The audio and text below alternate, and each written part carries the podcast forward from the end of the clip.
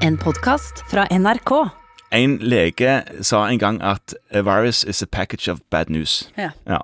For det er jo egentlig det det er. Det er en liten proteinpakke som ikke gjør noe i seg sjøl, men dersom man kommer inn i en eller annen celle, en bakteriecelle eller en menneskecelle, så begynner den å formere seg og lage masse trøbbel. Men den må ikke lage trøbbel. Vi har jo over 100 000 forskjellige virus, mange hundre tusen forskjellige virus, men bare en 600 av de kan angripe dyreceller og menneskeceller, og 300 av de igjen kan man angripe menneskeceller. Så det er masse virus som ikke er problem for oss. Men så er det likevel et stort problem. Ja, altså forkjølelse er jo er det vanligste. Da har du rinovirus, som er en sånn klassiker, som endrer seg hele veien. Den, så den blir man aldri immun mot.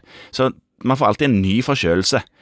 Og det kommer når man er kald og inne. Altså, Man vet jo ikke hvorfor man får forkjølelse når man er kald, eller til og med om det er det at man er kald som gjør at man får forkjølelse, men man får forkjølelse når man er mye sammen og inne, og tar på hverandre. Og man tar seg sjøl i ansiktet 16 ganger i løpet av en time, har forskning vist.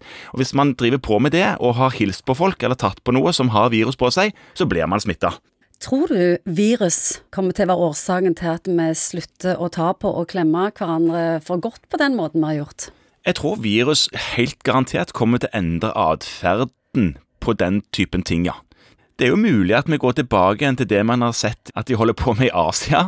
Altså står litt på avstand og nikke? Ja, liksom, nikke, nøflig, nikke høflig, til hverandre. De må iallfall slutte med den eh, kyssingen som de holder på med i, eh, I sør? I sør, ja. Det er antagelig ikke noe særlig lurt, men kanskje til og med verre å ta, hilse på hverandre med hånden. Kyssing smitter mindre faktisk enn håndhilsing, tror jeg jeg har lest på en forskningsartikkel en gang. Så det kommer man til å endre på, og man kommer til å endre håndvaskhygienerutiner. Og barn som vokser opp i denne tiden, de får jo dette her veldig på innsida. Nesten litt synd på ungene som aldri vil få oppleve den der klemminga som vi har holdt på med. Ikke sant? Det er, altså Man må vise bevis for at man er klembar, liksom. Klembar sertifikat. Um, hvorfor tror du dette viruset som er nå rammer så forskjellig? Da tenker jeg på i ulike land. Jeg forstår. Du, det er veldig godt spørsmål, og mange har prøvd å tenke klokt omkring det. Én ting er jo selvfølgelig hvilke sanksjoner landet setter i gang.